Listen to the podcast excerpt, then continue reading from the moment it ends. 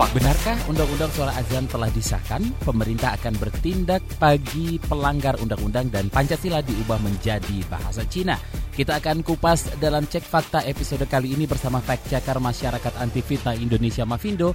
Ada Dedi Helsianto senior fact checker dan saya Don Brady menghadirkan topik teratas periksa fakta Mavindo periode 2 sampai 8 November 2019. Hasil periksa fakta dengan tingkat engagement paling tinggi dalam forum anti fitnah hasut dan hoax atau FAFHH serta Instagram. Podcast ini bisa Anda simak di kbrprime.id setiap Senin dan di aplikasi podcast lainnya.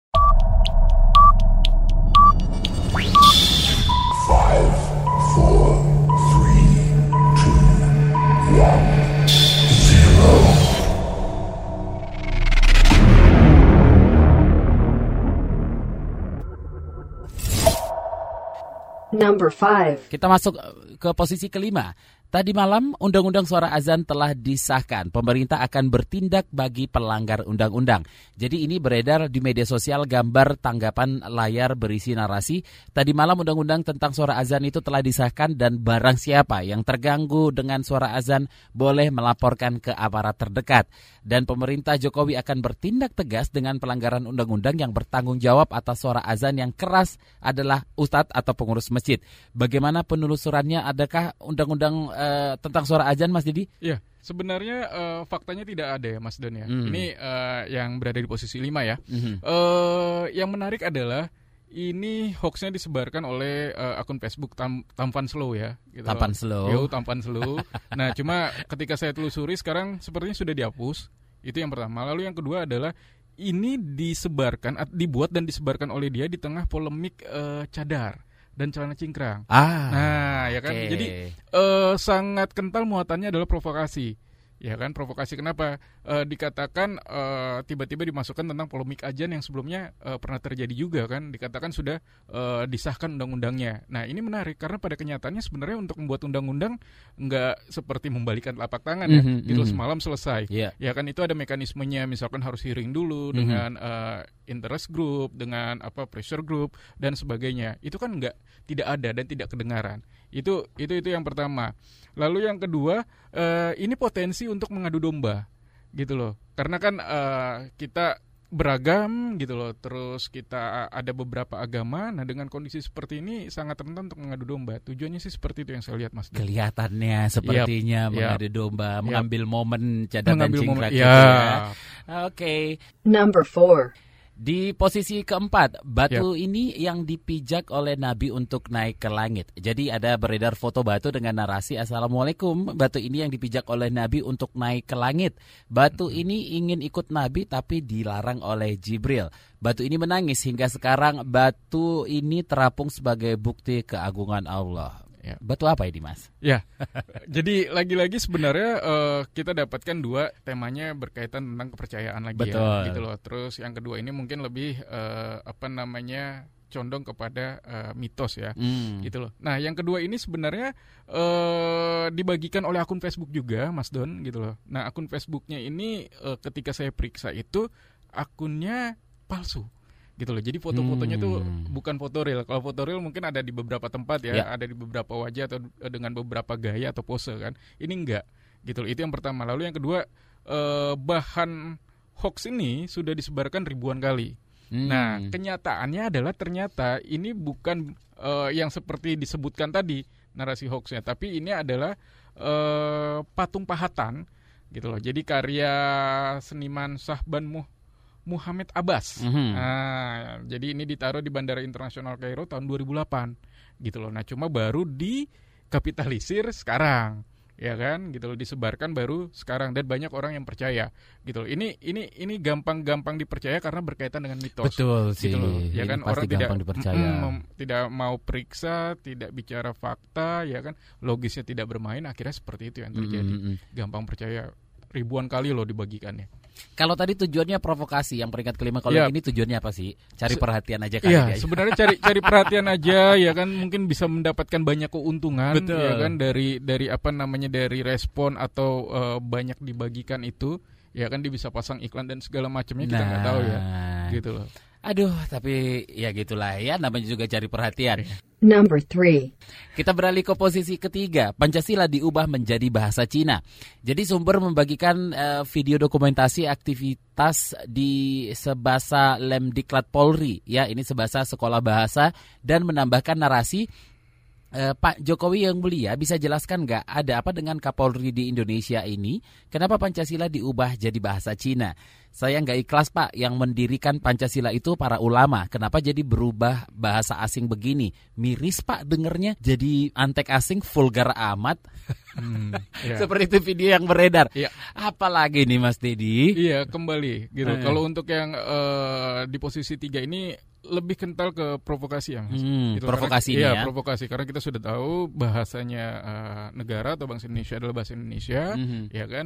Jadi ini pun juga sebenarnya eh, bicara tentang kemampuan atau potensi yang dimiliki oleh polisi sebenarnya Oke. ya kan. Itu ada lembaga pendidikan kilat bahasa dan itu sebenarnya yang diajarin bukan bahasa Cina aja, tapi ada beberapa bahasa kan. Hmm. Ada Inggris, Prancis, Arab, Jepang dan Man- dan Mandarin. Hmm. Kebetulan eh, yang di Polres Bangka itu ya apa namanya sedang menampilkan kemampuan berbahasa Cina seperti Hmm, itu kan. hmm, hmm. Nah, pada faktanya sebenarnya itu nggak dirubah gitu loh, cuma hanya menunjukkan kemampuan saja dan eh, apa namanya eh, anggota kepolisian memang eh, turut serta dalam pelatihan itu Mhm. gitu loh. Jadi sebenarnya eh, penyebar hoax atau pembuat hoax ini sudah tahu gitu loh posisinya adalah eh, ini ini sebenarnya adalah satu kemampuan atau potensi dari eh, kepolisian secara institusi atau anggota kepolisian. Tapi coba digeser framingnya sama dia atau dibingkai gitu loh. Kenapa diubah jadi bahasa Cina? Kan seperti itu. Jadi ini sengaja seperti dibuat-buat. Dan ini provokasi ini sebenarnya membahayakan mas. Oke. Membahayakannya kenapa? Karena tadi ada apa namanya ada diksi ulama ya yang disebut ya. Ya, Jadi seperti mengadu domba betul. eh, ulama dengan polisi sekaligus eh, presiden terpilih misalkan Jokowi. Hmm. Gitu loh. Saya melihatnya seperti. Ini ini ini, ini sangat bahaya Mhm. gitu loh. Mungkin kalau misalkan yang eh, masyarakat tingkat literasinya eh, Di bawah gitu ya. Iya, Eh, ya kan kalau cukup cerdas mungkin bisa mengolah. Betul, Tapi betul. kalau yang ada di bawah main Aha. telan aja.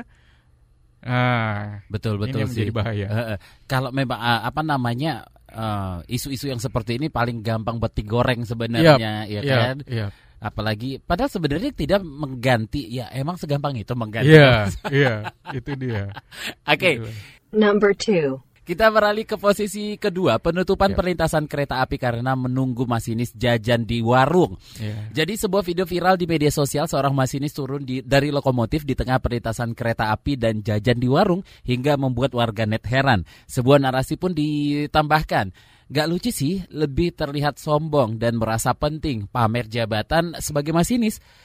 Cut aja masih banyak yang lebih menghargai dan menghormati orang lain. Itu yang keje- yang kecegat palang pintu masih pasti emosi tingkat dewa. Apakah ini eh, benar nggak sih mas? Saya sempat juga melihat ini video ini Hmm. sempat di share di Instagram juga sama teman. Mm. Benar nggak sih masinis itu berhenti di tengah jalan terus jajan di warung? Iya. Jadi sebenarnya eh, ini eh, kita coba melihat dari secara kronologis tepatnya masuknya ke klarifikasi ya Mas ya. Iya. Karena kan eh, mengingat Indonesia itu mempunyai kelebihan salah satunya adalah netizen ya itu loh yang maha benar itu ya gitu loh jadi dapat satu isu ya kan dapat satu topik gitu loh belum dapat klarifikasinya Yes. belum ada penjelasannya Hmm. atau belum tahu faktanya gitu loh wah gorengannya macam-macam tuh mas. Gitu loh bumbunya juga banyak bener. Nah itu itu itu, itu yang terjadi gitu loh. Jadi banyak dalam kasus yang masinis turun ini eh dibilang apa namanya eh, sombong terus melanggar dan segala macam bla bla bla.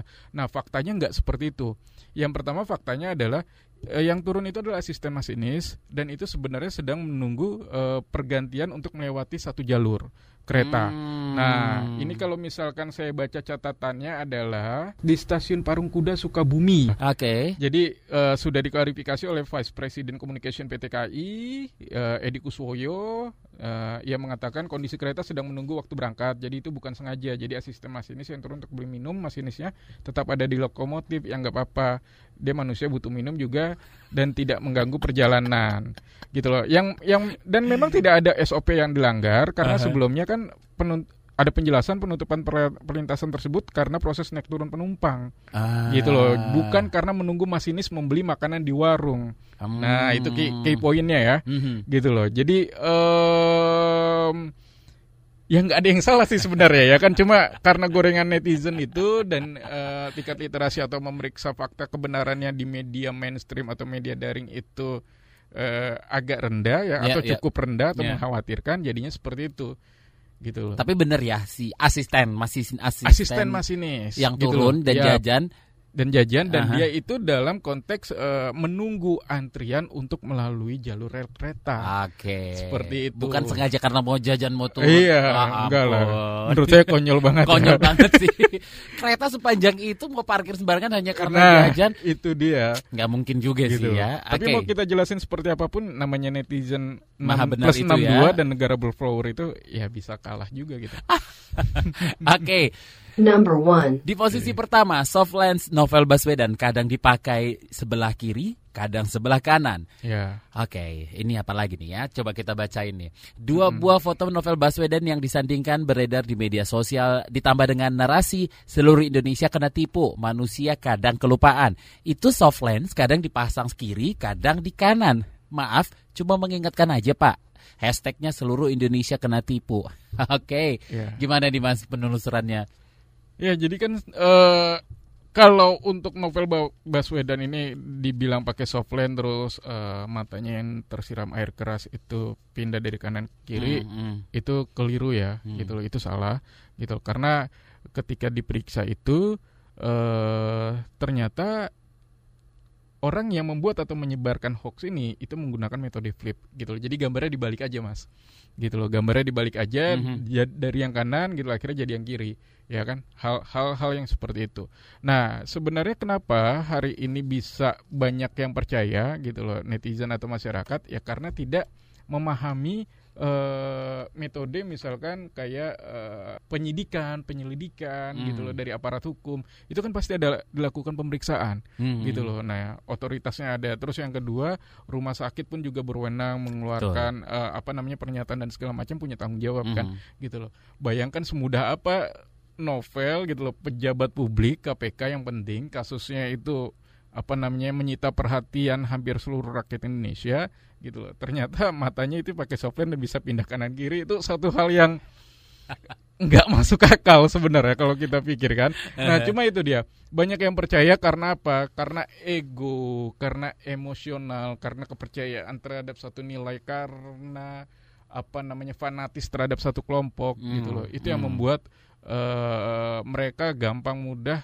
termakan oleh hoax Betul. gitu loh dan ujungnya apa kita kita terpecah belah Mhm. Padahal kita udah selesai nih bicara tentang kompetisi-kompetisian, election-electionan, Hmm. kita udah selesai. Nah, cuma coba dibawa itu lagi melalui apa? Menyerang hoax-hoax yang terkait dengan kebijakan. Hmm. Tadi kalau kita lihat lima itu kan mulai dari apa tuh? Yang pertama itu terkait tentang UU azan. Betul. Terus eh, ada lagi yang terkait tentang Pancasila diubah bahasa Yes, Cina. Terus ada lagi tentang apa namanya?